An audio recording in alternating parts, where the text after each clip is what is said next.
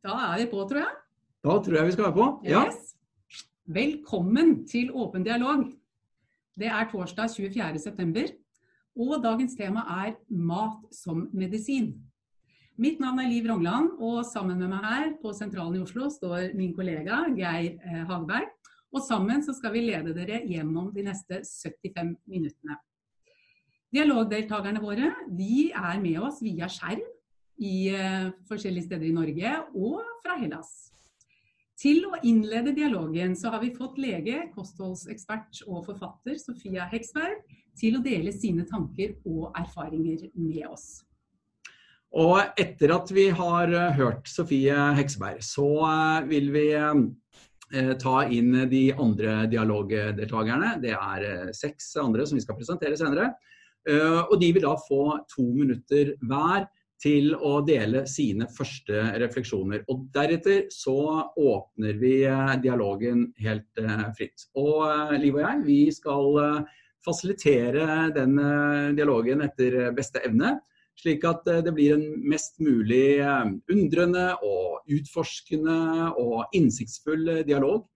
Både for dialogdeltakerne og for dere som ser på i dag.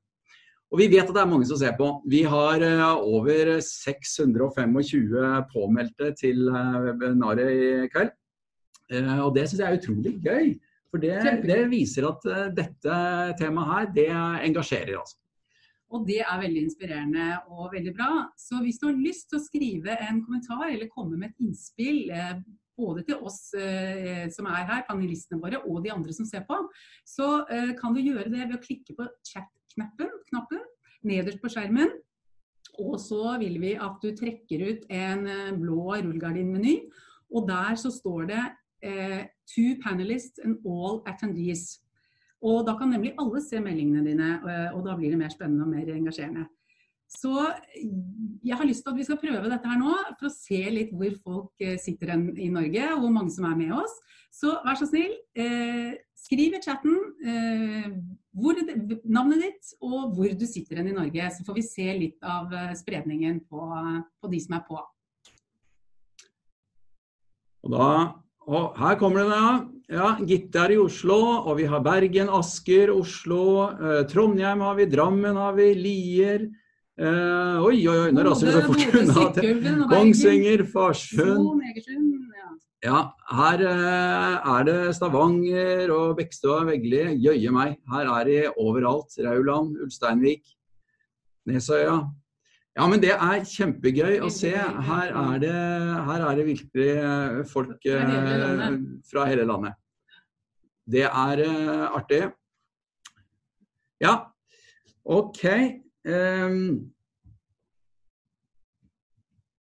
Ålesund. Hmm. Nå er det Ålesund, da. Greit. Vel, vi gir oss der. Nå over til dagens tema. Eh, mat som medisin. Er det så vanskelig? Um, og du, For å bli litt personlig først. Jeg kan jo fortelle eh, Tidligere i år så fikk jeg eh, påvist eh, både høyt blodtrykk, eh, høyt kolesterol og eh, overvekt av fastlegen min. Um, det var ikke at han kunne fortelle meg så veldig mye av hva det kom av, det måtte jeg vel nesten uh, foreslå selv. Men uh, og utover det å trene, så hadde han heller ikke så mange råd til uh, hva jeg skulle gjøre med det. Men, og særlig når det kom til dette med kosthold, så hadde han egentlig ikke mye å si, bortsett fra ett råd. Og det var at jeg skulle begynne å spise dette soyabaserte smøret for eh, det skulle ikke bare forebygge, men eh, faktisk helt konkret eh, redusere kolesterolet mitt. Ehm, fra en venninne som hadde fått hjelp hos Frisklivssentralen, så fikk jeg også da vite at jeg måtte kutte ned på alt av fett, og særlig mettet fett, og bytte det ut med f.eks. flytende margarin. Og da blir jo min eh, frustrasjon og forbauselse stor når jeg kort etterpå leser en artikkel fra en internasjonal forskning som mente at eh, høyst kolesterol det var ikke så farlig, det var kanskje nødvendig for immunforsvaret. Eh, og da jeg kjøpte en kostholdsguide fra et helsemagasin, så rådet den meg til å spise mer fett og mindre karbohydrater. og det spesifikke produktet som legen min anbefalte meg, det hadde de avbildet og frarådet. Så for meg som pasient og forbruker, så var nå forvirringen eh, ganske total. Og jeg lurer jo da på hvem er det som kan gi meg informasjon eh, og hjelp som er individuelt tilpasset til meg. Jeg eh, ønsker jo å være frisk, og i hvert fall ikke å være syk. Nei, det er det jo ingen som gjør. Nei. Vi vil jo være friske. Og jeg har jo lurt på hvorfor det tar så lang tid fra ny kunnskap og erfaring om kosthold og spesielle dietter som finnes, åpenbart finnes i befolkningen. Eh, hvorfor, og også blant enkelte leger og behandlere. Hvorfor det tar så lang tid før dette da blir brukt i det offentlige helsevesen. For meg er det veldig logisk at det jeg putter i meg, det har betydning for min helse. Eh, men her virker det som det er veldig treghet i systemet. Ehm, hvilke hindringer er det egentlig som ligger i veien for at man skal bruke mer eh, mat som medisin? Mm. Det lurer jeg på. Og dette og mer til så skal vi utforske videre i eh, den dialogen som følger. Og vi er veldig bevisst på å invitere til dialog og ikke til debatt. Det er fordi vi ønsker en samtale som er preget av nysgjerrighet, undring, og at vi lytter interessert til hverandre. Og at vi våger å utfordre etablerte sannheter. Denne dialogen skal gi rom for alle slags eh, erfaringer og synspunkter. Frie tanker, refleksjoner som kan føre til ny tenkning omkring mat og helse. Så om alt dette er mulig i løpet av den tida vi har, det vet jeg ikke. Men vi gir et forsøk. Ja, vi, vi, skal forsøke. Og forhåpentligvis så vil dialogen fortsette eh, andre steder etter denne sendingen også. Det håper vi. Det håper vi. Og så til å innlede litt grunnere til dagens tema, så har vi altså fått med oss eh, lege og kostholdsekspert Sofie Hekseberg, og det er vi veldig glad for. Sofie har doktorgrad innen ernæring. Eh, hun er skribent i ukeblader, eh, holder kurs og har skrevet ni bøker om lavkarbo, bl.a. Boken 'Uten melk'. En annen bok 'Frisk med lavkarbo', og nå den siste boken hennes 'Nytt blikk på autoimmune sykdommer'. Hun har eh, drevet doktor Heksebergs klinikk basert på mat som medisin siden 2010. Og nå gleder vi oss til å høre hva du har å fortelle oss før eh, dialogen starter. Uh, og da skal jeg uh, se om vi kan få inn uh, Sofie. Der har vi deg. Vær så god, Sofie. Ja, tusen takk, og takk for at jeg fikk lov til å innlede dette møtet. Ehm, jeg ble bedt om å si noen ord om hvorfor jeg som lege bruker mat som medisin. Ehm, jeg var jo som veldig mange andre ganske så indoktrinert om at fett var farlig, fett kunne skade blodårene mine, fett kunne føre til at jeg fikk hjerteinfarkt. Så derfor tenkte jeg det var like trygt å bli vegetarianer, og det var jeg i 15 år. Inntil federen begynte å snakke om at vi i Norge vi spiste altfor mye brød, potet, ris og pasta. Så tenkte jeg at dette må jeg sjekke ut. Han var tross alt lege, hadde kanskje noe fornuftig å si. Da hadde vi fått internett, og jeg uh, leste mye der. Og jeg så jo at det var en del leger og andre terapeuter som hadde frapperende effekter når de satte sine pasienter på et lavkarbokosthold. Uh, jeg begynte da på lavkarbo selv, og jeg jobbet også hos Federn et par år og jeg lærte mye der. Så jobbet jeg noen år for meg selv, og etter hvert så ble min ektefelle Erik veldig interessert. Han er også lege, jobbet da som medisinsk direktør i legemiddelindustrien. Han så jo disse flotte resultatene, ikke bare på hvordan folk opplevde det, men hvordan blodprøveresultatet var, og det var jo veldig objektivt. Så da startet vi Dr. Heksebergs klinikk og, uh, i 2010, og vi har hatt ti helt utrolige år eh, med veldig mye, lært veldig mye av våre pasienter og gjort mye god medisin, syns vi, i forhold til at veldig mange har sluttet med medikamenter, og mange som har vært uføre, kommet seg i arbeid osv. Jeg synes vi skal dele dette her omtrent i tre. Det ene er jo hva er helsebringende mat. Eh, man snakker stadig vekk ja, vi må spise et sunt kosthold, vi må ha sunt mat, men hva er sunn mat? Er det noe allmenngyldig? Det som er sunt for én person, kan være direkte helseskadelig for en annen person. Jeg skal si litt om eh, mine egne erfaringer og for så vidt pasientenes frustrasjoner i forhold til norsk helsevesen. Når det gjelder overvekt og fedme, det har vi jo mange av som kommer til oss. Veldig mange av de, de følger myndighetenes råd, de spiser magert og de spiser grovt brød og grønnsaker og frukt. Likevel så blir de overvektige og har veldig vanskelig for å gå ned i vekt. Når disse personene går på et lavkarbokosthold, så forsvinner søthunger, ulvehunger, eh, De får stabilt blodsukker. Eh, det er mye lettere å spise mindre mat. Studier har også vist at de spiser faktisk mindre mat, de er mettere og de går ned i vekt. Og i tillegg så får de veldig mange andre helseeffekter på kjøpet. Vi har mange med diabetes type 2. Diabetes type 2 ble jo før kalt sukkersyke, og det er jo sukkersyke det er. Det er altså personer med nedsatt toleranse for sukker, og likevel så anbefales altså denne gruppen å spise et kosthold som inneholder omtrent halvparten i form av karbohydrater. Og karbohydrater det er jo faktisk eh, sukker. Eh, det, meste av sukkeret vi får i norsk kosthold, det er jo da stivelse. Og stivelse består av sukkermolekyler, og det blir til sukker i blodet. Det betyr at disse pasientene må jo bruke masse medikamenter, og mange havner til slutt på insulin, selv om de er veldig insulinresistente og de trenger store doser insulin. Når disse går på et lavkarbokosthold, så faller jo blodsukker som en stein. De kan kutte ut det ene medikamentet etter det andre, og mange kan også slutte med insulin etter relativt kort tid på et strikt lavkarbokosthold. Vi har også mange pasienter med kroniske betennelser og alvorlige autoimmune sykdommer. Eh, disse går jo på ganske sterke medisiner med til dels alvorlige bivirkninger. Mange blir kontrollert på sykehuset. De spør ofte er det noe jeg kan gjøre selv, noe med maten. Nei da, det er det ikke. Du skal bare ta disse medisinene, så skal vi ordne det. Noen går likevel på internett, søker litt litteratur, finner kanskje at en steinalderkosthold er bra. Uten korn, uten melk, uten sukker. Veldig mange responderer veldig godt på det. Hvis de da kommer til kontroll tilbake på sykehuset, så får de høre at dette kan ikke vi forholde oss til. Og noen registrerer også at, at legene faktisk blir sinte på dem fordi de ikke følger det programmet de har laget for dem. Cøliaki er tredoblet hos barn eh, opp til 15 år fra 2000 til 2010. Og Likevel så anbefaler myndighetene oss at vi skal øke konsum av grovt brød. Grovt brød inneholder masse gluten, det er tilsatt gluten, det kan dere lese på pakkene. Norge er verdens amt største importør av gluten. Uh, når det gjelder uh, Helsedirektoratets uh, kostråd de siste 50 årene, så mener jeg at det faktisk har bidratt til masse av disse livsstilssykdommene. Jeg mener vi må ha et persontilpasset kosthold fordi vi er veldig forskjellige.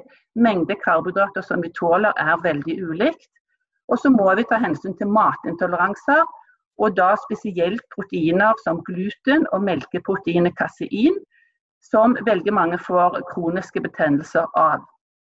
Jeg syns det er respektløst når en del uttaler i media og aviser at eh, dette med glutenfri kost uh, eller melkefri kost bare er en motig diett. Det er respektløst overfor de som faktisk har fått et nytt og bedre liv ved å kutte ut disse proteinene. Så må vi se litt på hvorfor er det så kontroversielt når leger bruker mat som medisin. Det er jo fordi klassisk medisin det er jo bruk av medikamenter, kirurgi og strålebehandling. Og vi behandler som regel ikke årsak, men vi går rett løs på symptomene. De legene som bruker et persontilpasset kosthold, de har jo en helt annen forståelse av hva som faktisk fører til sykdom.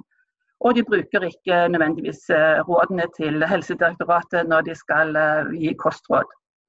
Og så er det slik at Det at det ikke finnes studier på at mat virker på en sykdom, det betyr jo ikke at det ikke virker, det betyr jo bare at disse studiene faktisk ikke er utført. Og Det er ikke så veldig mange som vil utføre disse studiene, fordi at det er ikke noe å tjene på i etterhånd. Legemiddelindustrien vil jo definitivt ikke gå for sånne studier, men myndighetene våre burde jo definitivt gjøre det, for her er det mange helsekroner å tjene. Så punkt tre. Hvilke hindringer ligger så i veien for at mat som medisin skal få et større gjennomslag? Det er mangel på kunnskap. Eh, vi lærer ikke om dette på studiet. Vi må ha utdannelse av helsepersonell. Og jeg mener at dette bør være en egen spesialitet for leger. Både når det gjelder eh, forebyggende medisin, men også når det gjelder behandling av eh, sykdommer. Så er det også betydelig mangel på åpenhet og nysgjerrighet. Hvis en pasient kommer til legen og sier at de har frapperende effekter på et lavkarbokosthold, så må jo man ta hensyn til det og lære av det og kanskje applisere det på nye pasienter. Men man er veldig, eh, veldig besatt av disse retningslinjene, men disse retningslinjene kan jo ikke brukes på alle personer. Og så er det viktig at ansvarlige leger må få kunne gi kostråd som avviker fra myndighetenes råd, uten å få trusler om tilsyn og det å miste legelisensen. Helsepartiet går i bresjen for persontilpasset kosthold. Derfor har jeg og min ektefelle Erik Hekseberg engasjert oss i dette partiet. Der er det my mye god helsepolitikk som både helsepersonell og pasienter bør engasjere seg i. Vi har 350 000 uføretrygdede her i Norge, og det er et uttrykk for at helsevesenet ikke fungerer godt nok. Vi trenger forebyggende tiltak som virker, og andre måter å behandle på for å få flere i arbeid, hvis vi skal møte de utfordringene som kommer med, med eldrebølgen osv. Så, så i dag skal vi snakke om mat som medisin, og vi har et spennende panel, eh, så jeg gleder meg til fortsettelsen. Takk. Tusen, tusen takk til Sofie Hekseberg her var det litt å tenke på. Og det regner jeg med at de andre paneldialogdeltakerne våre eh, også har eh, mange tanker omkring. Vi skal nå straks samle alle deltakerne, alle sju deltakerne til dialog. Eh, men vi har lyst til å minne om at har du lyst til å stille et spørsmål eller komme med en innsikt, så bruk chatten. Og husk å eh, notere deg at du skriver til all panelists and attendees. Du må ta med den lille, ja. lille blå uh, rullegardinmenyen nederst. Og ja. passe på at det står 'all panelists and attendees', for da kan alle se det. Da kan alle se det, og da kan også våre dialogdeltakere se uh, kommentarer og spørsmål. Det kan være interessant å bringe inn i dialogen uh, når vi har ulike vinklinger oppe. Så du er velkommen til å være med i, i dialogen ved å bruke chatten. Og til panelistene også, hvis dere har chatten oppe, så vil dere også kunne se dette og, og få eh, eventuelt kunne ta noe av det med. Eh, nå skal eh, vi straks hente inn de eh, seks eh, dialogdeltakerne våre. Og, og jeg skal eh, få presentere dem. Og da gjør vi sånn. Der har vi alle sammen. Så fint. Eh, og når jeg nå eh, presenterer dere én etter én, så kan dere gjerne vinke litt med hånden, slik at uh, vårt publikum ser hvem som er hvem. Og jeg starter med Fedon Lindberg i dag. Der har vi Fedon. Fedon han er eh, lege, eh, spesialist i indremedisin og forfatter av en lang rekke bøker om eh, kosthold og ernæring. Og I 2017 så tok Fedon initiativ til å starte en ny forening for integrert medisin. For å få noe av denne tenkningen hans også inn i en del av Legeforeningen. var det. Og Fedon driver en egen helseklinikk. Videre så har vi med oss Terje Toftnes. Terje, kan du vinke? Der er Terje. Eh, Terje han har uh, overlevd en uhelbredelig lymfekreft. Det ble i hvert fall sagt at den var det. Eh, Bl.a. ved hjelp av en streng diett, i tillegg til noe strålebehandling. Terje er uh, filmskaper og har laget en uh, dokumentarfilm, 'Fri fra kreft', om sin egen sykdom og helbredelse. Og For tida så har jeg skjønt at han skriver på en bok om mat og helse, eller mat som medisin. Videre har vi med oss eh, Julia Skreiner Benito. Der har vi deg. Julia hun er redaktør av hemali.no, et nettmagasin for helse, mat og livsstil. Og hun er bl.a. opptatt av eh, tilgjengeligheten på god og riktig informasjon. Eh, og hun har gjennom flere år så vidt jeg skjønner, snakket med hundrevis av pasienter og behandlere og eksperter gjennom sitt arbeid som journalist og redaktør. Disse tre, Fedon, Terje og Julia, de var også med oss i den forrige helsedialogen vår som vi hadde i juni. Og eh, de bringer nå litt kontinuitet eh, inn i dialogen her i dag fra sist gang. Nye navn i dag, det er bl.a. Lise Askvik. Der har vi deg. Lise er grunnlegger og leder av Helsepartiet. Hun eh, er journalist av bakgrunn med 14 år i P4. Eh, hun har også eh, skrevet bøker og utgitt seks bøker, bl.a. en om eh, brystkreft og en om tilstanden i helsevesenet. Og så har Lise også hatt kreft og heldigvis kommet gjennom det. Det var i 2011-2012, så vidt jeg skjønner. Så har vi med oss Henriette Øyen. Kan du vinke litt? Der er Henriette. Flott, takk. Henriette hun er eh, avdelingsdirektør for avdeling folkesykdommer i divisjon for folkehelse og forebygging i Helsedirektoratet. Jeg må nesten ta sats her. Eh, Henriette er utdannet klinisk ernæringsfysiolog og har jobbet med kostholdsbehandling og, og veiledning på sykehus.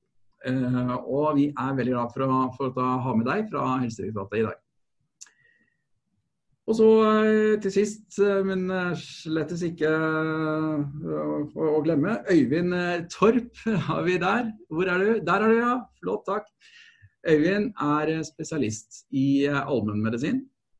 Og han er eh, forfatter av bøkene 'Selvforsvar mot kreft' og 'Selvforsvar mot overvekt'. Øyvind har selv eh, overlevd eh, kreft og er opptatt av effektive livsstilstiltak i forebygging og behandling av sykdom. Og nå, Før vi går i gang med dialogen, så vil jeg bare minne om de viktigste prinsippene for en god dialog. Vær åpen og utfordrende og undrende nysgjerrig. Lytt med interesse og respekt. Bygg på hverandre, still gjerne åpne spørsmål, og uttrykk deg tydelig og ærlig uten å holde ordet for lenge av gangen. Og vi har lyst til å starte dialogen med å la dere seks som ikke vi har hørt ennå, få to minutter hver. Og da sier jeg to minutter, Øh, og øh, dele deres første tanker om dagens tema. Da starter vi med Terje. Vær så god, Terje. To minutter. Tusen takk. Og jeg vil også si uh, tusen takk til Sofie for et uh, glimrende innlegg. Du har i grunnen nesten sagt det meste. Men det som jeg vil si, er at jeg var jo veldig lite obs på dette egentlig, før jeg da fikk en kreftsykdom.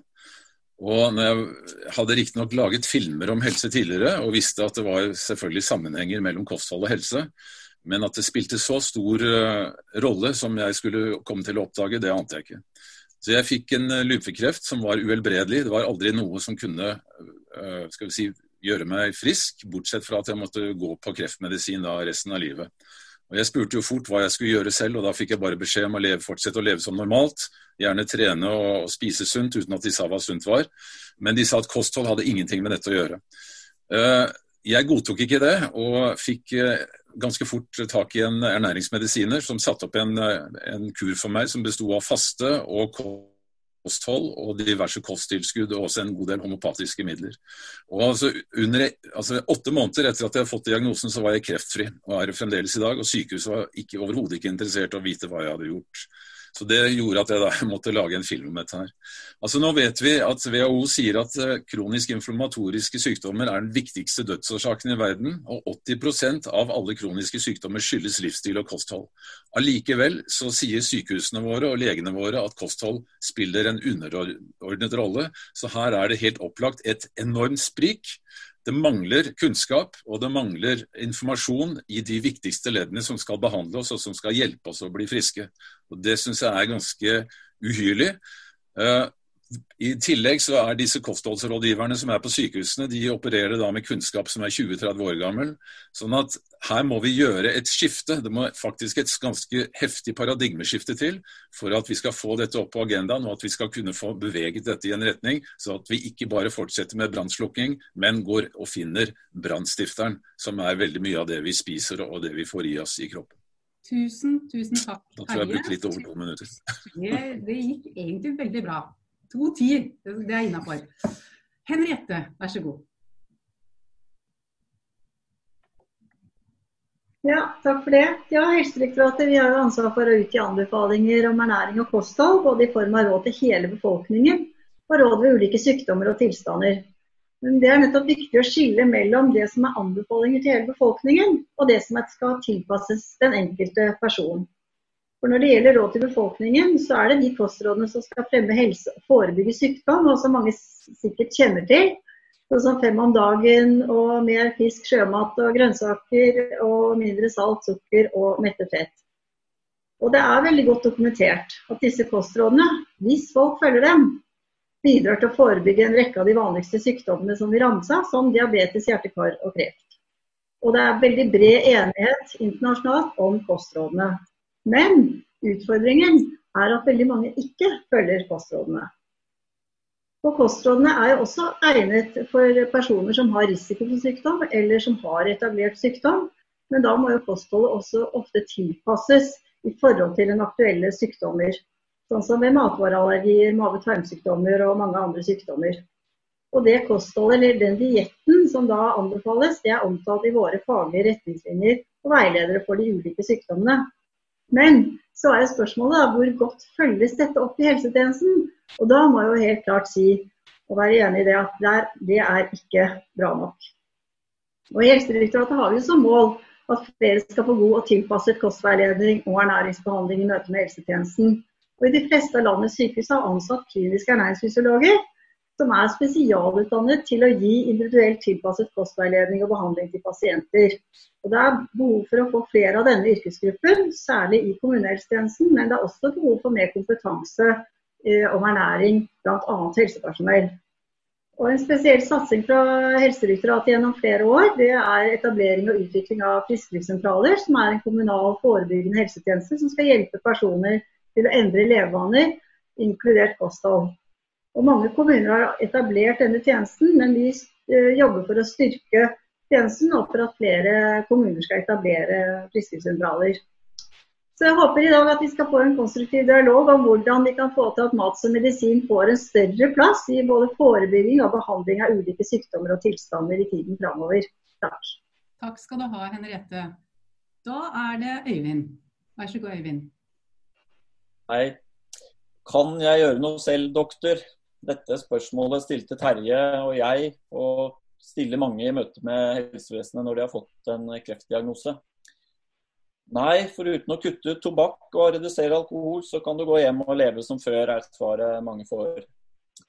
Eh, for meg var det logisk når jeg selv fikk en kreftdiagnose at jeg ikke skulle gå hjem og leve som før. For eh, noe hadde jo ført til at jeg fikk kreft, og det noe var det åpenbart at jeg burde endre på nå. Vi vet jo mye om hva som forårsaker kreft, med tobakksrøyking og ugunstig kosthold som de viktigste årsakene. Eh, og når så mye som opptil 30% av krefttilfellene kan forklares ut fra usunn kost, så kan vi gjøre effektive tiltak eh, selv når kreften eh, rammer. Og I 2018 så kom det en rapport fra World Cancer Research Fund som viser hvilken type mat som er med tanke på å forebygge kreft. Og Det ekspertpanelet sa, etter rapporten, var at alle kreftpasienter også burde få de samme rådene som eh, gis i forebyggende hensikt.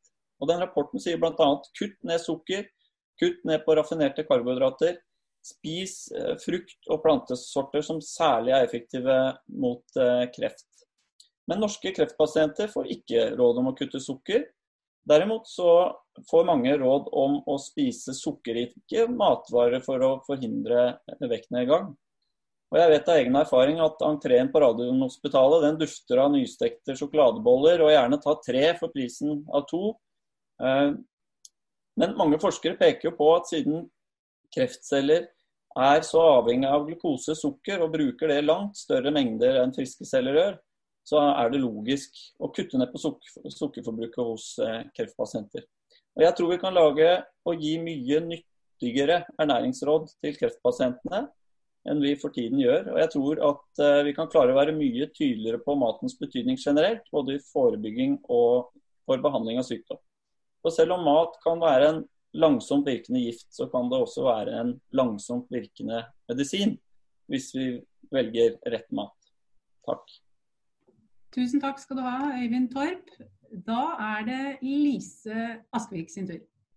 Tusen takk skal du ha. Som journalist tilbake i 2001 så skrev jeg for Norsk Ukeblad. Da kom jeg borti lavkarbokosthold for første gang. Det var eh, leger, det var pasienter. Det var ganske sterke historier vi fortalte og lagde en svær sak om dette her. Den reagerte norske kostholdmyndigheter ikke positivt på, men mange av leserne syntes dette var kjempespennende. Og jeg lærte noe veldig viktig som journalist, nemlig at kosthold er helt grunnleggende for utviklingen av vår helse. Så da jeg i 2011 selv fikk brystkreft og nådde gjennom kirurgi, cellegift, full strålepakke og ti år på antihormontabletter i etterkant, så var det ganske naturlig å tenke at kosthold må være en del av denne pakka. Og jeg kan bare understreke det samme som Øyvind og Terje sier. Jeg fikk også bare råd gå hjem og spis som vanlig, og spis sånn at vi ikke går ned i vekt. Det var litt lettere sagt enn gjort, og jeg syns veiledningen var helt håpløs. Um, og Så kommer vi til 2016. Da ble jeg bedt om å starte Helsepartiet. Jeg hadde en godt betalt jobb i P4, jeg hadde en karriere, jeg hadde ikke noe behov for å si fra meg millionlønna mi, jeg hadde ikke noe lyst på en plass på Stortinget. Jeg hadde egentlig alt jeg trengte. Men jeg hadde også innsikt i et helsevesen som overhodet ikke fungerte i altfor mange ledd. Og det til tross for at de helseansatte gjør som best de kan, men systemene og disse retningslinjene som våre helseansatte må følge, de er de spriker. Noen er gode, men altfor mange er helt utdaterte. Så jeg tok utfordringen, og vi fikk eh, starta et nasjonalt riksdekkende parti som har altså politikk for eh, alle fronter og alle departementer, men utspringet er helse. Fordi liv og helse er viktigst for alle parter. Og kosthold er jo helt grunnleggende for forebygging av helseskade. Og når skal de andre partiene, når skal norske myndigheter begynne å ta forebygging og helse eh, på alvor? Og mat er den enkleste måten å ta tak i forebygging på. Så da Sofie og Erik Hekseberg tok kontakt med Helsepartiet, så var det en stor glede for oss i Helsepartiet, for da kunne vi virkelig begynne å jobbe med individuelt tilpasset kosthold. Så vi har politikk for dette her, og jeg vet at selv om Helsepartiet foreløpig er et lite parti, så er vi nå et tilbud til velgerne. Og hvis velgerne viser at de er opptatt av kosthold og helse, så er det bare å peke på Helsepartiet, så legger vi press på de andre partiene. Vi trenger et demokratisk virkemiddel, og Helsepartiet er ikke noe verdi i seg sjøl, men det er et virkemiddel som kan legge press på de andre partiene og på myndighetene. For her ligger det mye på de manglende retningslinjene.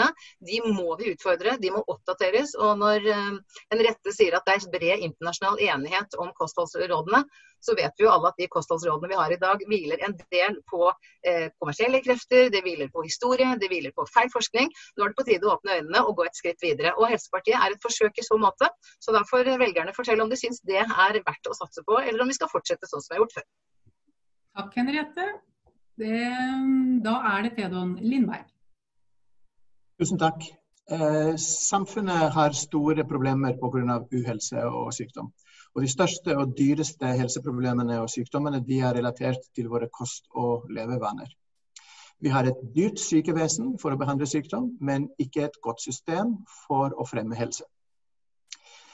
At hensiktsmessig mat og levesett eh, kan både forebygge og bidra til å behandle sykdom, er nok neppe kontroversielt. Mat og livsstil som medisin kan og bør brukes for å bli eller forbli kronisk frisk. Helse skapes av menneskene, ikke av helsevesenet. Fravær av effektiv forebygging og bedre livsstil koster samfunnet dyrt. Totale utgifter for å bekjempe sykdom i Norge er ca. 400 milliarder årlig. Oslo Met-universitetet i en fersk rapport slår fast at 70% av voksne menn i Norge og 60% av kvinner er overvektige. Og antall øker hvert år. Samfunnskostnadene knyttet til overvekt og fedme er estimert til å være hele 68 milliarder kroner årlig i Norge. Rapporten kommer også med 25 anbefalinger. Men eh, er det noe vi ikke mangler, er rapporter, utredninger og anbefalinger. Det vi mangler, er handling. Bedre helse gjennom bedre koster og livsstil innebærer behov for endring av vaner. Det er ikke lett, og det ligger mellom ørene. Mange trenger hjelp for å gjennomføre positive endringer over tid. Å tro at leger vil kunne tilby dette, er helt utopisk. Fastleger er både overarbeidet, har dårlig tid, men har heller ikke nok kunnskap og interesse utenom medikamenter og kirurgi. Einsteins definisjon på galskap det er å gjenta samme feil og tro at det gir et annet resultat. Og hans definisjon på intelligens det er evne til å tilpasse seg endring. Kosthold og livsstil må individualiseres, og folk trenger kyndig hjelp og veiledning for å endre vaner. Ikke kortvarig med en eller annen kur, men varig. Kun varige endringer gir varige resultater. Sunn mat er ikke sunn før den er kjøpt inn og før den er spist. Vi trenger et bærekraftig system som gir persontilpassede løsninger som er gjennomførbare over tid. Investering nå, så kommer avkastning senere. Tusen takk. Takk, Fedon. Da er det Julia. Vær så god, Julia. Tusen takk. Ehm, det store spørsmålet er hvorfor er dette så vanskelig? Hvorfor er det så mye motstand eh, mot det å bruke mm, mat som medisin? Og jeg tror et overordnet svar er at endring gjør vondt. Endring åpner for en rekke ubesvarte spørsmål. Endring gjør vondt på så mange plan. Eh, og hvem er det som må bidra til at den endringen faktisk skal skje? Jo, det kommer jo unnifra. Akkurat som alle andre revolusjoner, så kommer det unnifra. Og dette ser jeg i mitt virke som eh, redaktør og eh, journalist. Jeg ser de tusenvis av meldingene i kommentarfeltene fra mennesker. Jeg ser eh, at de selv tar ansvar for eget liv. For det er dette som skjer. De går til legen. De får konstatert eh, Sannsynligvis er det en underliggende betennelse som er årsaken. Men det arter seg om det er, om det er kreft, om det er ulcerøs kolitt, om det er Crohns. Altså betennelse er jo en gjenganger. Og så sier de til legen er det noe jeg kan gjøre selv. Og så sier legen nei, vi har ikke forskning som viser at det er sammenheng mellom det du lider av eh, og livsstil.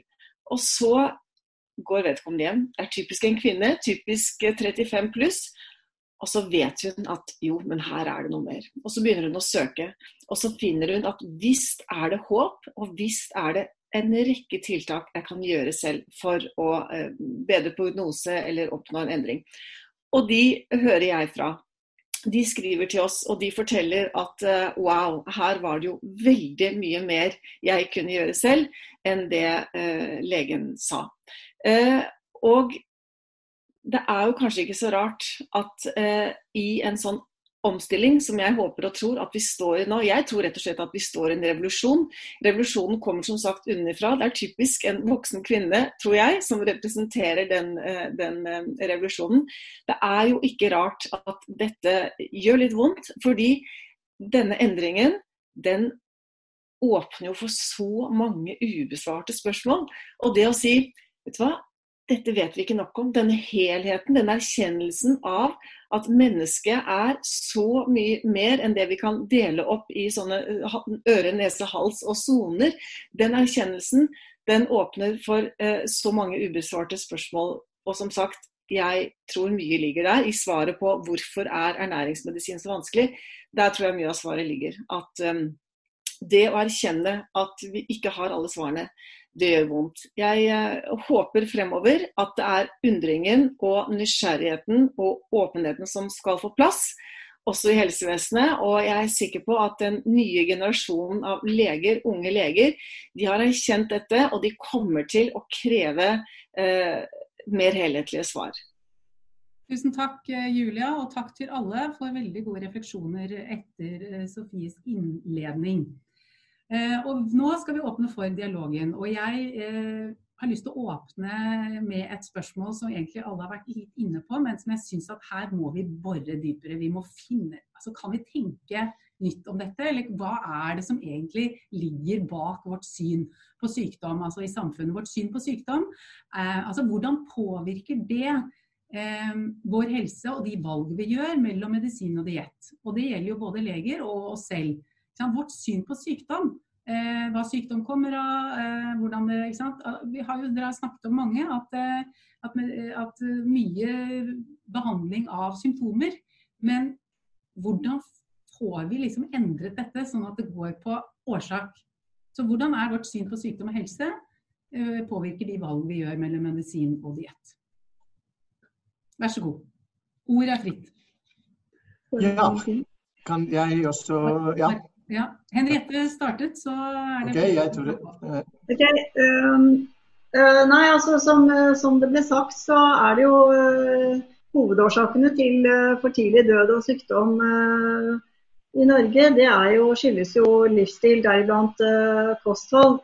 Men jeg er helt enig med det veldig mange har påpekt, at når man kommer til legen, så blir man liksom ikke møtt med hva man kan gjøre selv i forhold til kosthold og eventuelt andre levevaner. Og at det skyldes eh, selvfølgelig delvis mangel på kompetanse, for dette er noe medisinerutdanningen har eh, ganske lite av. Og så er, eh, som Fedon også sa, fastlegene presset på tid og interesse og hva de skal prioritere. Så det er mange, sikkert mange grunner til det. Og det bør vi absolutt prøve å gjøre noe med. Men jeg tenker på den jeg har jobbet som klinisk ernæringsfysiolog siden 80-tallet eh, og jobbet med veldig sånn spesialtilkost og på en måte alternativ kost, hvor man da utforsker f.eks. ved leddig, hvor vi vet ikke så veldig mye hva som virker, men vi vet kanskje at ja, faste virker, vegankost, kanskje glutenfri osv. Så, så jeg har vært med på å legge opp eh, den type kosthold til mange pasienter. Men bare da sørge for at de har fått nok energi og næringsstoffer, og at det er faglig forsvarlig samarbeid med leger. Så, det, så dette har vi kliniske ernæringsfysiologer jobbet med i årtier. Så, så, så, men at vi trenger flere og mer både leger og annet helsepersonell som interesserer seg for dette og får mer kompetanse, det er helt sikkert. Fedon tror jeg ville si noe også. Skal Fedon få lov? Først så er ikke, God helse er ikke fravær av sykdom. Eh, så man kan godt ha egentlig en ganske god helse og ha en kronisk sykdom. Så det er jo eh, veldig mye annet som definerer hva som er eh, en god helse. Men til syvende og sist kan man tenke seg eh, tenke, ha det bildet at, at uh, livet er som en reise hvor man blir født med en bagasje. og Den bagasjen kan være helt uh, tom hvis man er heldig i forhold til sykdom. Uh, den kan være halvfullt uh, pga. genetiske årsaker eller, annet, eller belastninger under svangerskap. Og så reiser man, man har de bagasjen som man bærer i løpet av dette livet, og så samles det noen ting samles der inne uten at vi vet, f.eks. fra miljøet, og andre ting putter vi inn i den bagasjen. Og så blir den bagasjen gradvis tyngre, og parallelt så blir eh, også da vår evne til å bære bagasjen, altså vi blir eldre, den blir dårligere. Og når det blir ubalanse mellom belastningene vi har, og evnen til å bære disse belastninger, så oppstår det symptomer først. Og man kan enten da forstå at det ligger noe bak, eller å gjøre noe med det. Åpne den bagasjen, se hva som er i, kanskje kaste noe. Eh, eller så, så blir det til syvende og sist sykdom hvis vi ikke gjør noe. Så det er på denne måten vi kan forstå det, i hvert fall et, et, et forsøk. Øyvind, jeg tror du var uh, først av alle, og så er det Lise og Sofie. Ja, jeg må jo si uh, i min hverdag som fastlege så er jo den dagen hovedsakelig preget av å kontrollere folk med kronisk sykdom. Og Det er jo litt trist hvis man etter en dag på kontoret føler at man på en måte ikke har fått gjort noen friske, men bare kontrollert om de blir sykere. Ehm, og jeg har nok et inntrykk av at mange forventer at jeg skal fikse dem, og at jeg skal gjerne fikse dem med medisiner. For Det ligger litt i tradisjonen, det ligger litt i historien og hvordan systemet fungerer. Men samtidig, hvis man er litt framoverlent og foreslår tiltak eh, som ikke handler om medikamenter, men eh, livsstil, mat og, og trening, og, og, går litt entusiastisk inn i det, så er jo omtrent som alle eh, positive til det. Og Hvis vi da får litt framgang, hvis man kan slutte på en medisin, så er det en seier for både lege og pasient. Jeg tror vi har masse potensial for å endre litt fokus eh, bort fra medikamenter og i mye større grad eh, satse på livsstilsintervensjoner. For jeg opplever at motivasjonen er her, bare vi som leger gjør jobben og tar opp temaet.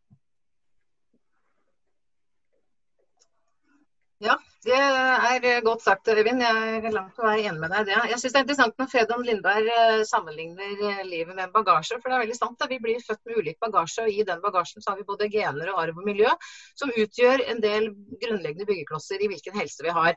Og akkurat, eh, altså Den bagasjen er litt ujevnt fordelt, for noen blir født med gode gener og tåler eh, dårlig kosthold over lang tid, og andre er mer følsomme. Og Så har du den andre biten som utgjør eh, store byggeklosser av hvilken helse hver enkelt av oss har, og det er jo kostholdet. Og Derfor så er det så utrolig viktig at vi har kostholdsråd som er på toppen av det som er erfaringen. Og vi har sett at i Norge har vi dessverre et problem med byråkrati, og dette har vi fra mange kilder. Et byråkrati som langt på vei er litt seine med å ta de nye politiske signalene. Så det hjelper ikke nødvendigvis at politikerne endrer og vil at direktoratet skal være mer på ballen, være mer oppdatert, så lenge det ikke faktisk gjøres.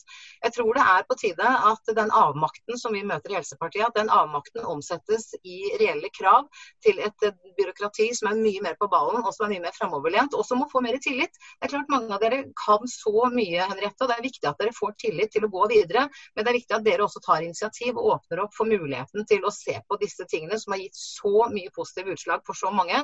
Så jeg vil foreslå i etterkant av dette møtet at kanskje direktoratet tar noen møter med både Hekseberg og Fedon Lindberg for å se litt på hvilke muligheter har vi når det kommer til utforming av retningslinjene. For de er avgjørende for hva hver enkelt pasient møter.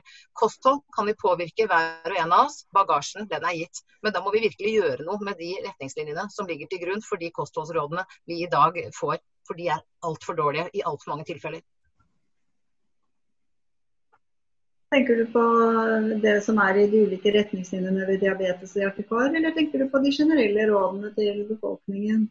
Altså, det er jo ikke noe tvil om at det dessverre er en del myndighetspåført sykdom i Norge. Uh, og jeg tror at det er på tide med en gjennomgang, i hvert fall med mange av disse retningslinjene som er spesifikke opp mot uh, sykdom, men også de generelle.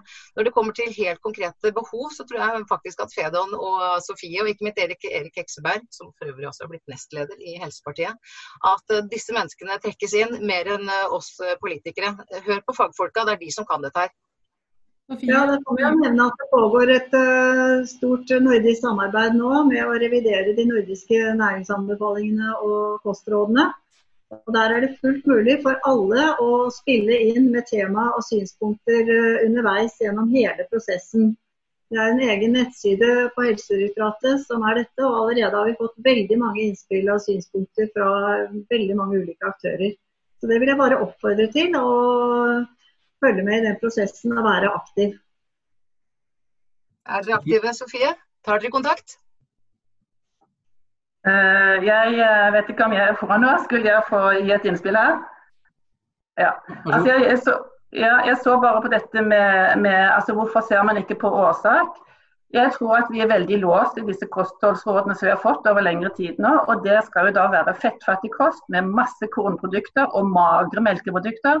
Og Det er jo faktisk det som gir veldig mange problemer for folk, både i forhold til eh, fedme og sukkersyke og kroniske betennelser. Så, så, det at vi er så låst i de rådene, tror jeg er en veldig viktig årsak. Og veldig mange for eksempel, har veldig mye vondt i magen. IBS er jo blitt en folkesykdom.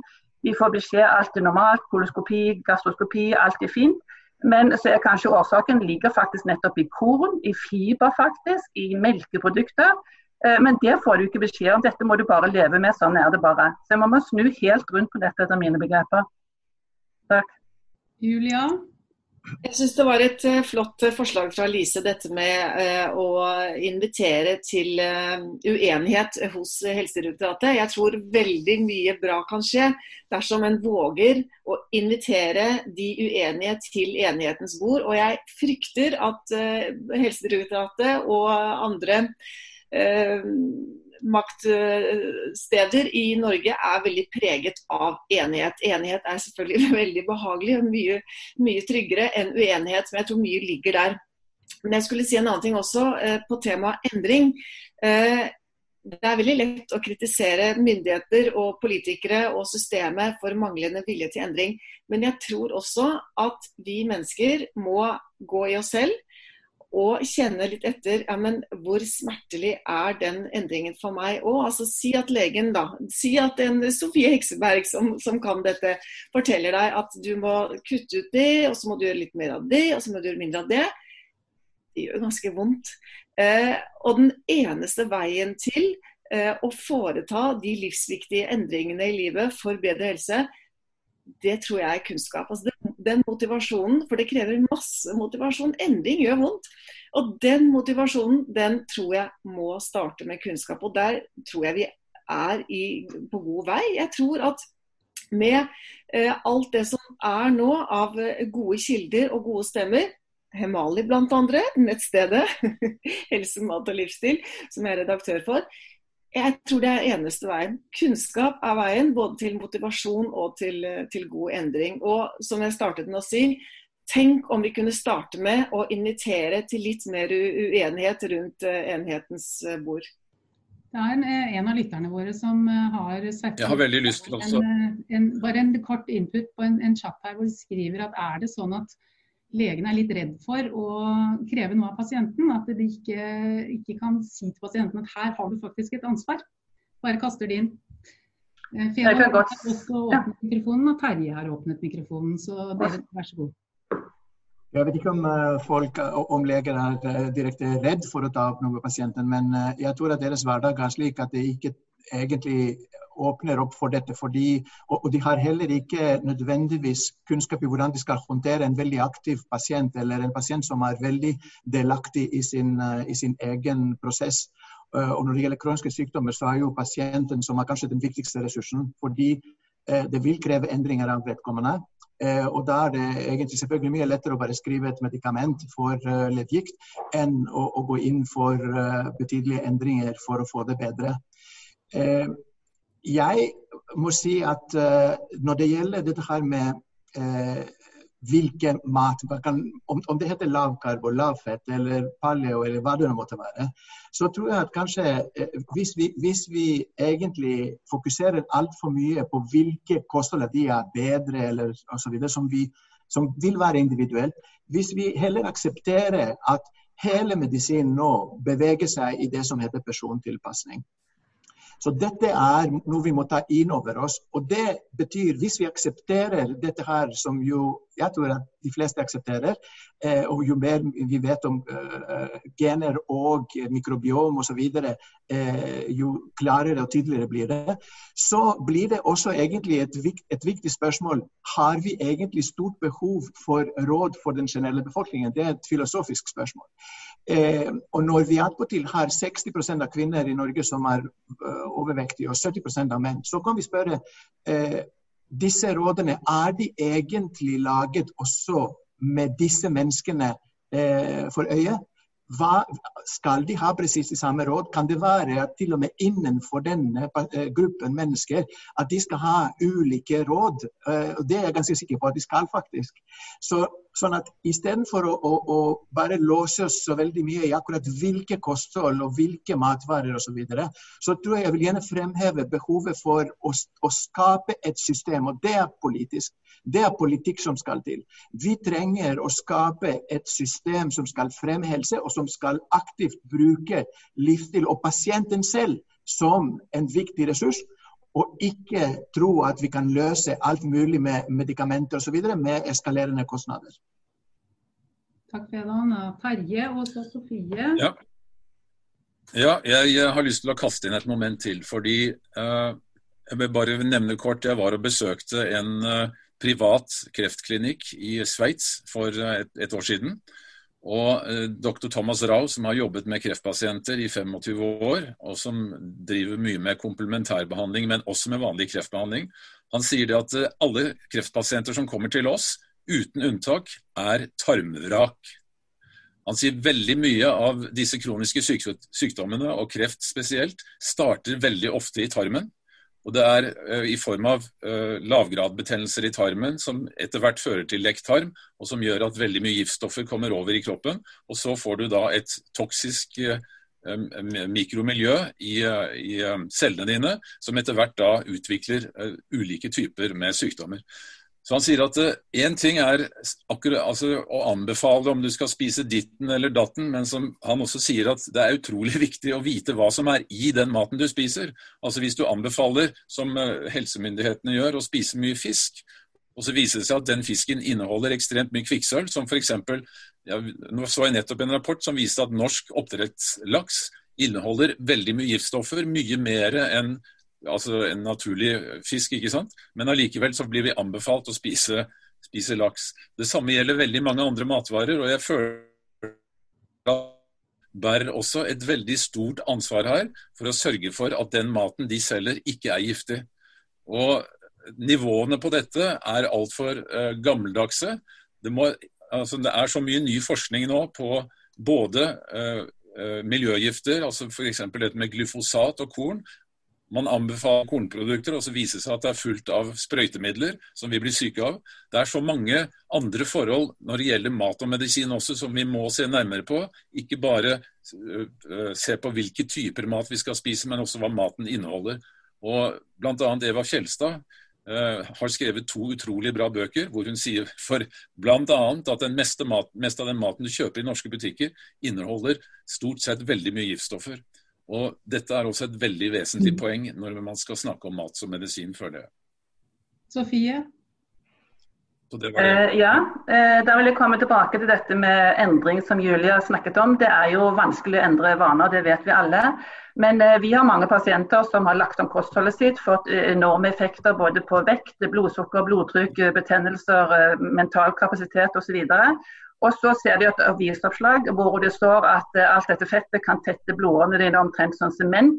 Og da blir de redde og de slutter med dette her, og så får de alle sine gamle plager tilbake igjen. Men så skjønner de heldigvis etter et par år at dette går jo ikke, for det fungerte jo mye bedre på det kostholdet som jeg gikk på. Så De får jo ikke akkurat støtte og hjelp fra Universitetet i Oslo eller fra allmennleger. Og jeg mener Allmennleger har altfor liten tid i forhold til å ta seg av en pasient. De er mye raskere å skrive en resept og få de ut døren enn å sitte en time og snakke om kosthold. Så Der må man lage nye insentiver for hva faktisk de skal lønnes for å gjøre. De skal lønnes for å gjøre folk friske, ikke bare måle blodsukker som blir verre og verre, eller blodtrykk som blir høyere og høyere, eller osv.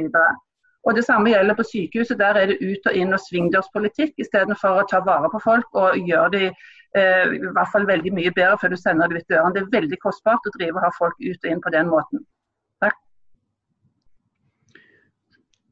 Vi har en i, i, publikum her eh, som har stilt et helt konkret spørsmål, eh, nemlig om vi skal, eh, skal vi begrense mengden mettet fett. Så Du snakket om fett nå. Kan dere kan, få et svar på det? Ja, jeg kan jo si litt om det. Det ble snakket om fett her, og at vi anbefaler et fettfattig kosthold. Det gjør vi jo ikke. Men for mengden fett har kanskje ikke så mye å si om hva slags type fett vi spiser og kombinasjonen av de fettypene. Men det er jo særlig mettet fett vi anbefaler at vi skal spise mindre av, men ikke kutte ut uh, helt. For det vil inngå som en naturlig del av uh, kostholdet vårt. Så, det samme gjelder på karbohydrater, egentlig. at Mengden kan jo variere en god del. Men det er kvaliteten som har betydning. Nettopp at sukker er et karbohydrat, men det er også grove kornprodukter og havre grøt osv. Så videre. så, og vi sier jo at vi skal spise mindre sukker, men mer, mer grove kornprodukter. Så kvaliteten er veldig viktig her. Og det er klart, dette med giftstoffer og sånn som eh, ble tatt opp. Eh, det gjør, uh, Vitenskapskomiteen for mat og miljø de gjør, gjør jo nettopp sånne nyttige risikovurderinger. Og nå holder de på med en stor arbeid når det gjelder fisk. Nettopp for å se på en måte dette med giftstoffer i fisk og, og versus nytten av fisk. fordi at I utgangspunktet er jo fisk en sunn matvare, men det er klart blir det mye giftstoffer, så kan jo det gå over til å være skadelig. Så de gjør jevnlig sånne type nytte-risikovurderinger. Så det er veldig uh, viktig jobb uh, som de gjør der. Jeg tror jeg hadde i hvert fall eh, Vær så god, Fedon. Vær så god. Kom igjen. Eh, for det første så igjen, jeg tror ikke at det er realistisk å tro at vi kommer til å få noe fantastisk stor endring i systemet hvis vi tror at vi kan satse på at fastleger eller leger skal være pådrivere når det gjelder dette. Så det er jo én ting.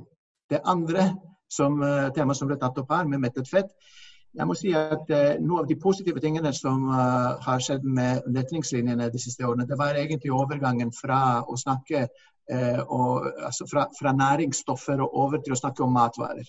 Og Det, tror, det håper jeg at vi kan også ha når det gjelder mettet fett. fordi Mett, for det første det er ingen som spiser mettet fett. Det er ikke noe produkt som heter, ikke matvare som heter mettet fett. Og for det andre så er det jo også slik at det finnes veldig mange ulike mettede fettsyrer. Og til syvende og sist, hele diskusjonen rundt metafett fett dreier seg om én ting, og det er som blodkolesterol.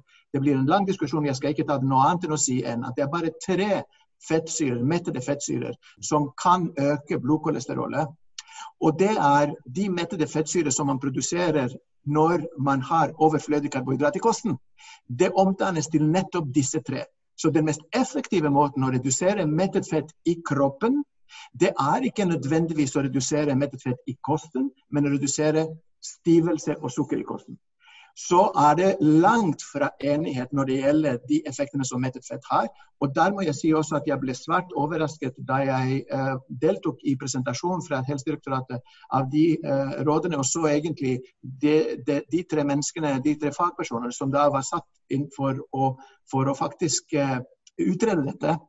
Og da var det ikke én som hadde en divergerende et divergerende syn eller et annet ståsted på mange måter. Så der var det jo egentlig de tre som deltok, de var det helt klart hva som skulle komme ut av det.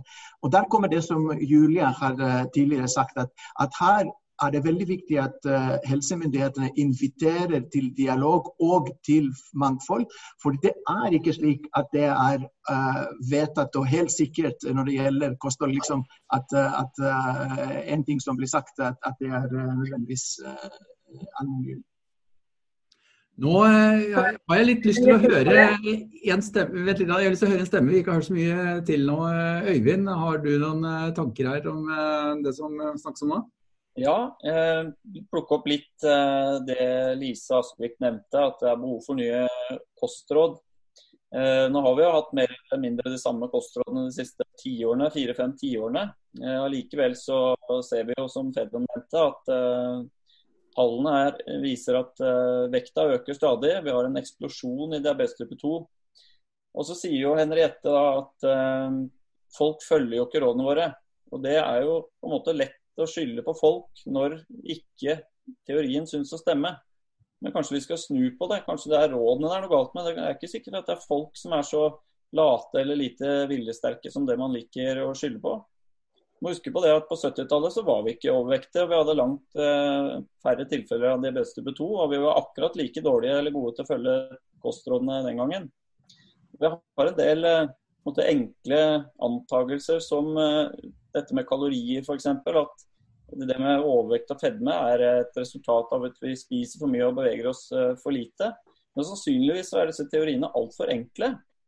Og hvis et menneske Eh, går opp i vekt og prøver det den kan med å redusere kalorier og, og trene mer, og likevel ikke får det til, så har vi en tendens til å plassere skylda hos det enkle mennesket for at den enten er for lat eller eh, at den er for glupsk. Og Det mener jeg blir helt feil, for dette er mye mer komplekst enn som så. Jeg pleier å trekke en sammenligning med alkoholisme. For hva er egentlig alkoholisme? Du kan jo si at det er at man drikker for mye alkohol. Og det er jo sant, men det er kanskje ikke særlig nyttig. For alle vet jo det at alkoholisme er et komplekst problem. Hva er det med alkoholen som er vanedannende? Hvordan er det med genene dine? Hvorfor du, blir du så lett avhengig av? Hva har skjedd i livet ditt som gjør at du drikker så mye? Og Hvis vi trekker sammenligningen med kaloriteorien, du spiser for mye og beveger deg for lite. Det blir altfor enkelt. Det er så veldig mange andre faktorer som spiller inn. Og når disse kostrådene vi får eh, tydeligvis ikke virker, så skal vi ikke legge skylda på at folk ikke følger dem. Da skal vi heller sette oss ned og ta en grundig revurdering av om disse rådene faktisk virker mot sin hensikt. Takk. Ja, kan jeg Går det an å si noe om det? For jeg, jeg er helt enig altså, at det, det, blir liksom veldig enkelt. Og vi prøver jo i hvert fall eh, de anledningene vi har til å si at eh, dette med uh, at overvekt og fedme øker i befolkningen, det er jo veldig komplekst. Og det er ikke den enkeltes feil. For dette, Vi lever jo i dag i et veldig sånn fedmefremmende samfunn, egentlig. Det handler om både tilgjengelighet og, og, pris av mat som døgnet rundt, og vi blir mindre fysisk aktive. og Det er liksom veldig mange faktorer som vi kan gå inn på her. så Det, det er jeg veldig uh, enig i. Altså, så Det er veldig komplekst. Uh, så, um, men jeg vil bare også da, siden flere som sier vi skal invitere, og det til når vi skal revidere kostrådene, og det er det vi har gjort. Som sagt, vi har en egen nettside. Vi oppfordrer til å være aktive. Alle som måtte ønske det. Der er det ingen begrensninger. Der kan man komme med innspill og synspunkter og forslag til temaer som eh, bør eh, inkluderes i de neste nordiske næringsanbefalingene. Så eh, jeg vil bare igjen oppfordre til å være aktiv der. Det er bra, gjør det. Jeg tror Sofie har lyst til å si noe her mot slutten. Vi nærmer oss litt at vi skal snart runde av. Så Sofie, Julia, ville du også si noe? ja? Og så er det Lise. Fedon og Lise. Vær så god, Sofie. Ja, takk. Eh, jeg er uenig med Henriette Øyen at ikke de har frontet et fettfattig kosthold, for det har de. Eh, inntil 2014 så skulle vi helst spise under 30% fett så fant man faktisk ut at noen hadde eh, for lite fettløselige vitaminer, spesielt de flinkeste klassen, gjerne kvinner som spiser veldig fettfattig.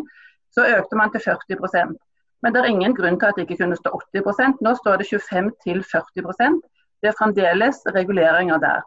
Og Jeg er uenig med dette med mettet fett, for der blander man litt. Man går på gamle studier som inkluderer at det var mye transfett i kosten. Nå har heldigvis det meste av det forsvunnet. Det er svære analyser som viser at mettet fett ikke øker risikoen for hjerte-karsykdom eller andre sykdommer. Så Der syns jeg man må gå og se på nyere data hvor transfett er i hovedsak fjernet fra kosten. Takk. Kan jeg si noe? Julia, vær så god. Det var deg nå. Ja. Eh, det vi snakker om nå, det er jo superkomplekst. Om vi snakker om endring, om vi snakker om revolusjon, eh, håpet om å bygge bro mellom skolemedisin, såkalt alternativ medisin, såkalt altså, Dette er superkomplekst. Men jeg har eh, en tanke som er konkret, og som forhåpentligvis eh, kan gi Henriette Øyen og, og hennes kolleger i Helsedirektoratet eh, kanskje noe å tenke på. Eh, vi har jo i dag i butikkene noe som heter nøkkelhusmerkingen. Tenk om vi kunne hatt tilsvarende nøkkelhusmerking, men med sånn rød strek over på de varene som var ultraprosessert. Altså den maten som bestemor aldri ville skjønt noen ting av. Den maten som har en så lang ingrediensliste hvor du ikke skjønner uh, halvparten. Tenk om det kunne stått sånt, uh, en rød strek over det der nøkkelhullet på de varene. Det tror jeg ville hjulpet. Og så tror jeg det ville hjulpet om ikke det var sånn at ikke vi kunne snuble uten å treffe på 18 kanelboller på salg. Og jeg har ikke noen løsning, jeg vet ikke hvordan vi kan stoppe kanelbolleinvasjonen. Men fy søren, det er jo ikke lett å ta fornuftige valg i disse dager. Takk. Fedon? Ja, eh, å, si at eh, alle problemene man har i samfunnet skyldes feil kostråd, det mener jeg også tar det for langt. Det er ikke slik at alle kostråd som viser det offentlige er feil. Man kan godt diskutere om fett Uh, spesifikt, og også tidligere om karbohydrat, og fortsatt kanskje om karbohydrat. Men det er også sant at veldig mange mennesker ikke faktisk velger eh, fornuftige matvarer. Og Der er det veldig mye som avgjør, inklusiv tilgjengelighet og pris, ikke minst. Eh, både pris på de usunne matvarer og pris på de sunne matvarer. Men eh, eh og så må man ta inn over seg at det er veldig mye som avgjør hvilke valg man gjør. Dette som eh, Øyvind Torp eh, sa for en alkoholiker. Altså Det å ha lyst på, på kanelbolle ikke kan motstå dette, det er fordi hjernen trenger den roen som denne kanelbollen vil gi kortvarig. Og det er et resultat av mye stress. Så vi må adressere veldig mange andre ting. Man snakker altfor lite om søvn. Hvis du spør meg er kosthold viktigere eller bra søvn, så vil jeg si at det er bra søvn som er viktigere for en god helse. Og, eh, og, og, og derfor så er det jo det er mye mer komplekst. og Det som vi må fokusere på, det er hvordan vi kan skape et system som fokuserer på og fremmer god helse gjennom å adressere livsstil. Ikke bruke kanskje altfor mye energi på akkurat hvor stor prosent av fett skal være der, og hvor stor prosent av karbohydrat. Det tror jeg blir kanskje litt eh, eh, det, det, i hvert fall, det, Jeg tror ikke det vil føre til en løsning. Nei, og løsninger, det må vi jo ha. Eh, du sa at jeg skulle få lov til å snakke til Fedon, så jeg bare heiv meg på, jeg. Du skal få lov til det eh, litt, og så skal vi ta en runde eh, avsluttet til slutt, hvor alle får to minutter. Så vær så god, Lise. Tusen takk. Persontilpasset kosthold det er vel nye av stikkordet her. Uh, Sofie Hekseberg og hennes mann, uh, nestleder i Helsepartiet, Erik Hekseberg, har altså gått inn og laget politikk for nettopp persontilpasset kosthold. Det er opp til velgerne om dette er politikk som skal løftes opp på stortingsnivå, men det er også bra å høre at det er en revisjon i direktoratet, Henriette, og at dere nå jobber med kostholdsrådene. Men det høres litt enkelt ut å se at det ligger en invitasjon ute, så bare kast dere på. Eh, det er jo sånn at sånn som Hemarli, ikke sant? Eh, Julia Skreiners nettsted, helse, mat og livsstil. Er det noen i Norge som skanner markedet, som snakker, som samler inn inntrykk, og som virkelig har ganske mye folkelig innsikt, så er det jo nettopp et sånt nettsted. Så jeg tenker i stedet for å fortelle oss at det ligger en invitasjon ute, så det bare er å kaste seg på, så ta fysisk kontakt, få folk inn, få møter ansikt til ansikt, eller i hvert fall på nett eh, i disse koronatider. Men det er liksom litt enkelt å bare si at dere kan skrive skrive inn alle sammen. Jeg har lang erfaring med å skrive inn alle sammen, og det blir som regel bare lagt i en skuff, for man opplever ikke verken å bli hørt eller sett. Så hvis man skal bli tatt på alvor, sånn som jeg mener at Hemali bør, sånn som eh, paret Hekseberg og faktisk også Helsepartiet bør, så må dere invitere til en dialog i lukkede rom, sånn at man virkelig først kan sette seg ned og utveksle forskning, utveksle erfaringer, utveksle det som er en del av opplevd virkelighet. For det er dessverre blitt en kjensgjerning at mye av departementene og mye av direktoratene, mye av politikken, er virkelighetsfjern. Og jeg er redd for at kostholdspolitikken også er akkurat i det hjørnet. Til dels virkelighetsfjern. Stort potensial for forbedringer, og det må jo være det positive, da. Men da må man inngå dialog med de som kan. Og her i denne debatten, eller i denne dialogen, så tror jeg det er gode kilder å merke seg. Takk for den. og uh, Helsedirektoratet får merke seg det. og Skulle dere trenge hjelp til å ha litt uh, dialog med, med, gruppene der ute som dere trenger å snakke med, så får dere kontakte oss. Eh, vi skal nå ta en avsluttende runde, litt på samme måte som vi innledet. Vi tar nå det vi kaller en utsjekk. Og da gir vi ca et halvt minutt, eh, tror jeg. Det blir ikke stort mer enn det. Så dere må være maks ett minutt. Forholde dere litt i korthet. Eh, hva er det viktigste du eh, tar med deg fra det vi har snakket om i dag? Det viktigste du tar med deg etter dialogen her i dag. Og nå skal vi begynne med den vi slutta med i innsjekken. Vi starter med Julia.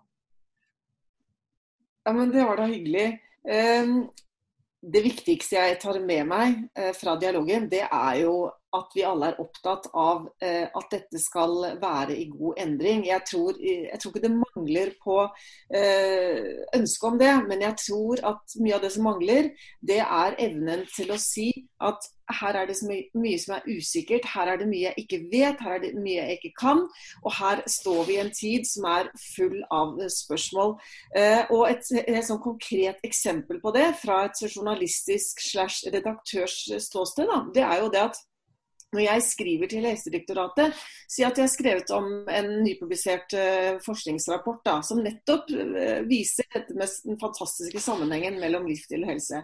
Si at jeg ber om en kommentar på den. Så det typiske, uansett hvor stor den kommunikasjonsavdelingen i Helsedirektoratet blir, det typiske responsen, det er faktisk ingen respons i det hele tatt. Jeg må purre, jeg får ikke svar. Eh, og hvis det kommer et svar, så er det typ sånn eh, veldig kort, og dette, dette må vi ha. Vi må ha spørsmål på e-post, eh, og vi svarer på e-post. Og liksom det derre undringen åpenheten, nysgjerrigheten, erkjennelsen av at verden og vi mennesker det er så mye større og så mye mer komplekst enn vi har trodd, den savner jeg. Så altså, jeg håper inderlig både som en konsekvens av dialogen vi har hatt i kveld, og som en konsekvens av eh, alt det som er av uhelse der ute, at vi kan starte med å bygge bro og være åpne og nysgjerrige, og slutte å, å lage splid mellom såkalt skolemedisin og ja, andre retninger.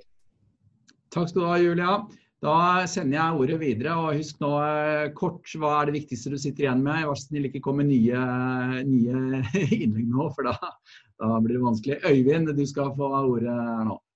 Takk for det. Eh, kort, kort så har vi hørt mye om at mat kan eh, virke som medisin. og Da velger jeg å ta et lite poeng fra chatten her. Ja. Det er en som eh, snakker om at diabetes type 2-pasienter ofte blir fortalt at dette er en sykdom som bare blir verre og verre. At det blir mer og mer medisin og at det ikke kan eh, bli bedre. Men den, denne som skriver i chatten, skriver at jeg har spist meg mye friskere.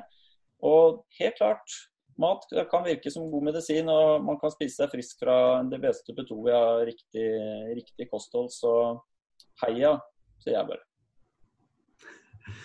Flott. Takk for det. Og da er det Sofie som skal få ordet. Ja, jeg hører jo at det er flere som er opptatt av dette med persontilpasset kosthold, så det syns jeg er veldig viktig. Og dette med at leger bør gå inn aktivt til dette, og ikke overlate alt til ernæringsfysiologer. At leger går inn for å få en egen spesialitet på mat og medisin. Og eh, jeg har jobbet med dette i 15 år, ganske aktivt i mange forskjellige medier. Jeg syns ikke det går veldig fort fremover. Derfor starter vi nå med politisk. Fordi at eh, alle de andre partiene som er på Stortinget, de eh, bare henger seg på Helsedirektoratet og har ingen innspill til hva man kan gjøre for å, å endre på disse epidemiene med overvekt og diabetes osv. Så, videre. så eh, ja, jeg tror vi må på det nivået. Kommer ikke videre. Takk. Takk, takk for det, Sofie. Da gir jeg ordet til Fedon løsningen for et så stort uh, strukturelt problem som vi har uh, i forhold til helse i Norge, kan bare egentlig være politisk utgangspunkt. Så, og Det betyr også at skal vi være også realistiske her, så må vi få også de store partiene eh, med. For at det skal skje, så må selvfølgelig noen skape litt uro, og det er veldig viktig. Men like mye så vil jeg utfordre Helsedirektoratet. Det er fagdirektoratet som år etter år registrerer og kommer med anbefalinger og det kommer med utredninger. Og, det kom, og ser hvordan det står til. Ref også denne Oslo Met-rapporten. Eh, eh som også, Da må også da helsedirektoratene faktisk stille politikerne til ansvar. Når de ikke følger de rådene som gis, når de ikke egentlig tar dette her på alvor, når de ikke satser, så må noen gjøre det. Og hvem er det som skal gjøre det her? Eh, Helsedirektoratet er både fagdirektorat og også det skal være partiupolitisk. I hvert fall det skal jeg ikke føre. Så det, det etterlyser jeg, eller mer vaktbikkjefunksjon der enn det har vært. Det syns jeg vil være godt, og jeg tror at politikerne trenger det. Takk skal du ha, Fedon. Eh, jeg sender ordet rett til Lise. Ja, det er dessverre sant at vi har kommet dit hen hvor hver enkelt av oss er nødt til å ta litt ansvar for norsk kostholdspolitikk, for den beveger seg ikke i takt med tiden av seg sjøl. Eh, Helsepartiet er bare et virkemiddel, men det vil virke. Hvis mange peker på Helsepartiet som sitt valg, så vil det presse de store partiene til å ta helse på helt nytt alvor. Og jeg har ingen ambisjoner. Jeg kommer ikke sjøl til å stille til valg på Stortinget, jeg vil ikke inn på Stortinget, men jeg har med meg utrolig mye flinke folk, bl.a. doktor Hekseberg. Og det å få noen som virkelig slåss for helse på Stortinget, det, tro meg, det vil sette fart på de andre partiene. Og det vil forhåpentligvis også sette fart på direktoratet og departementene. Nå må jeg bare si at jeg syns det er så hyggelig å følge chatten. For jeg ser at Sofie Hekseberg har fått tusen takk til Heksebergklinikken. Jeg ser at Terje Toftnes har fått takk for en strålende viktig film. Jeg ser at eh, det kommer takk til Julia Benita og til Fedon, som har tatt lavkarbo til Norge. Jeg tror det, altså denne, Takk til dere som lager denne dialogen. Det er så viktig å få norske myndigheter til å senke garden litt. Det er dessverre en opplevd virkelighet av veldig mange, både for meg og for mange av de som daglig kontakter Helsepartiet, at det er en del myndighetsarroganse ute og går. Jeg oppfordrer myndighetene til å lytte veldig mye. Og tusen takk til Henriette som har vært med på denne dialogen. Det har jo blitt mye ut til deg, Henriette, men jeg håper at det bringer veldig mye av dette videre. Og det er jo et ønske om et bedre samfunn sammen, som vi står sammen om. Og der er jeg helt sikker på at vi står på samme side, alle sammen. Flott, takk skal du ha. Og Henriette skal få lov til å snakke til slutt, men først skal Terje få ta sine ord. Ja, jeg vil jo si at uh, dette har vært en veldig interessant dialog. Og det er jo hevet over enhver tvil at det vi putter inn i munnen, er helt avgjørende for hvordan kroppen skal fungere. Det tror jeg alle er veldig, veldig enige om. Og jeg vil bare avslutte med å si det at uh, jeg sender en bønn til uh, alle kreftsykehus i Norge Vær så snill og slutt å servere iskrem og karamellpudding til kreftpasienter. Jeg syns det er såpass mye forskning nå på banen at det burde ikke lenger være nødvendig. Så tusen takk for meg. Takk, Terje. Og da skal Henriette, du skal eh, få siste ordet her i denne runden. Ja, nei, men jeg er i hvert fall enig i at det er veldig positivt at alle ønsker at vi skal, helsetjenesten skal jobbe mer forebygging. Men det går jo en del på Helsedirektoratet her, ja. Eh, og når det gjelder veldig mange av disse forslagene, det å tilrettelegge på en måte samfunnet for at vi skal ha, kunne spise sunnere, det er jo no, noe som er en viktig oppgave for oss. Og det er noe vi gjør kontinuerlig. Vi spiller inn i, til ulike strategier og stortingsmeldinger om uh, pri, bruk av prisvirkemidler og andre typer strukturelle tiltak som vi vet har effekt for at folk skal kunne lettere endre uh, kostholdet sitt. Men det er jo opp til politikerne om de vil gjøre disse tiltakene. Så, um, og så blir det opp til oss igjen å iverksette det som er uh, politikerne har vedtatt på helse- og omsorgsområdet. Men vi er en pådriver overfor vårt departement, og det er vi kontinuerlig. Men som sagt, veldig mye er det opp til politikerne å, å avgjøre. Takk. Takk skal du ha. Og det var den uh, avsluttende runden uh, der. Um, skal vi se. Jeg tror vi bare beholder alle inne her mens vi uh, nå skal gå mot slutten. Ja, for da er sendingen vår veldig straks over. Egentlig har vi gått litt over tida, men vi håper at det, det var så stor interesse og så mye som skjedde i chatten at jeg tror folk syns det var helt greit. Ehm, vi holder chatten litt eh, åpen, eh, altså åpen litt lenger, for det eh, at dere som er på kan fortsette å sende inn både innspill og gjerne også hva dere selv har tatt med dere fra denne dialogen, hva dere syns om denne kvelden. Ehm, og hva som er det viktigste dere tar med dere. Så skriv i en kommentar i chatten, så får vi med oss det også videre. Så da gjenstår det egentlig bare for oss å takke takke alle dialogdeltakerne for at dere ville stille opp og dele deres tanker, eh, følelser og erfaringer med oss. Eh, og takk til alle som har fulgt oss live. Det har vært oppi oppe i hvert fall 230 eller noe ja. totalt. Litt inn og ut. Men også, det, eh, også, vil vi takke for engasjementet dere har hatt i dialogen. Eh, både før, under og etter sending. Eh, og så ønsker vi at dialogen skal fortsette. Så gå inn på våre websider. Der har vi et kommentarfelt. Vi ønsker at vi skal få så mange som mulig til å være der og kommentere og komme med sine fortsatt spørsmål og innspill. Og at kanskje våre paneldeltakere i dag kan gå inn og og, og bruke litt tid på å svare noen av disse eh, kommentarene og spørsmålene. Og vi, vi, har lagt ut noe lenke akkurat nå i chatten eh, som går rett inn til kommentarfeltet, hvor dere kan fortsette dialogen eh, etter sendingen her. Eh, og i morgen så legger vi vel også ut eh, opptaket. Det skal eh, prøve å forklare til da. Og så vil jeg takke, takke, deg som ser dette i opptak. Eh, det er flott om du vil eh, dele det opptaket med dine venner og kjente, sånn at flest mulig får se det som eh, vi har vært gjennom i dag. For det har vært mye interessant som har blitt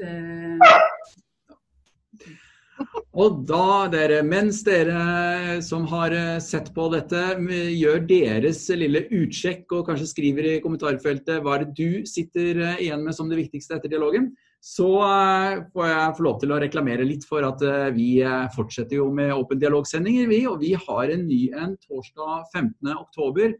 Og da spør vi hva skjer med demokratiet når den individuelle friheten begrenses?